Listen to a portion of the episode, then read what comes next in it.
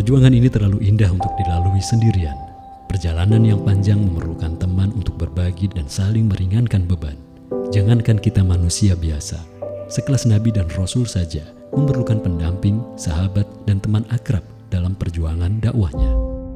Nabi Musa alaihissalam sampai memohon kepada Allah swt untuk menjadikan Nabi Harun alaihissalam sebagai pendamping beliau.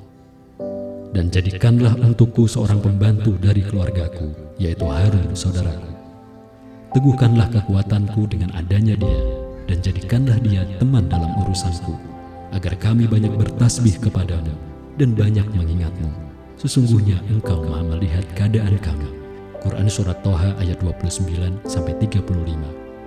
Nabi Musa alaihissalam memohon teman untuk berjuang dengan maksud agar saling menguatkan, saling berbagi tugas, dan saling mengingatkan untuk selalu bertasbih dan mengingat Allah taala.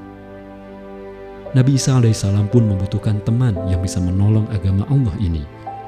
Maka ketika Nabi Isa merasakan keingkaran mereka Bani Israel, dia berkata, siapakah yang akan menjadi penolong untuk menegakkan agama Allah? Para Hawariyun sahabat setianya menjawab, kamilah penolong agama Allah. Kami beriman kepada Allah dan saksikanlah bahwa kami adalah orang-orang muslim. Quran Surat Ali Imran ayat 52 Rasulullah Shallallahu Alaihi Wasallam saat berhijrah, beliau mengajak sahabat Abu Bakar As-Siddiq untuk menemani beliau dalam perjalanan. Kisah ini diabadikan dalam Al-Quran di mana Allah berfirman, Jika kamu tidak menolongnya, yaitu Muhammad, sesungguhnya Allah telah menolongnya, yaitu ketika orang-orang kafir mengusirnya dari Mekah. Sedang dia salah seorang dari dua orang ketika keduanya berada dalam gua.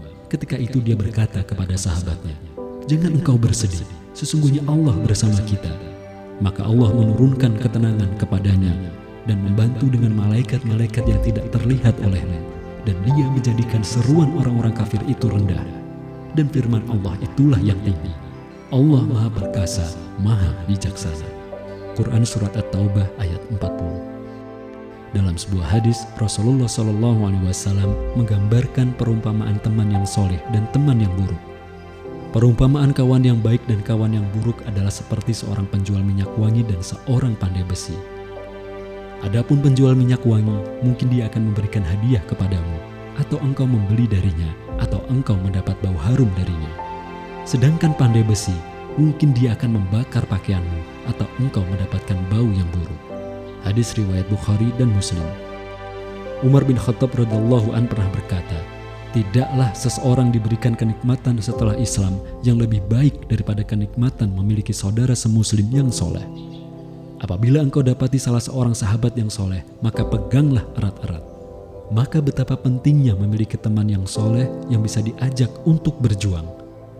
Bersama mereka kita akan lebih kuat. Bersama mereka perjuangan akan lebih ringan.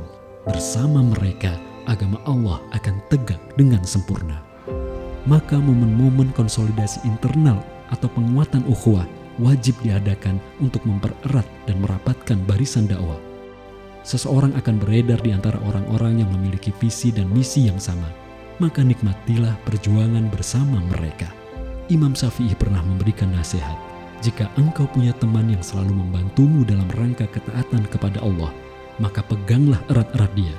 Jangan pernah kau melepaskannya karena mencari teman baik itu susah, tetapi melepaskannya sangatlah mudah.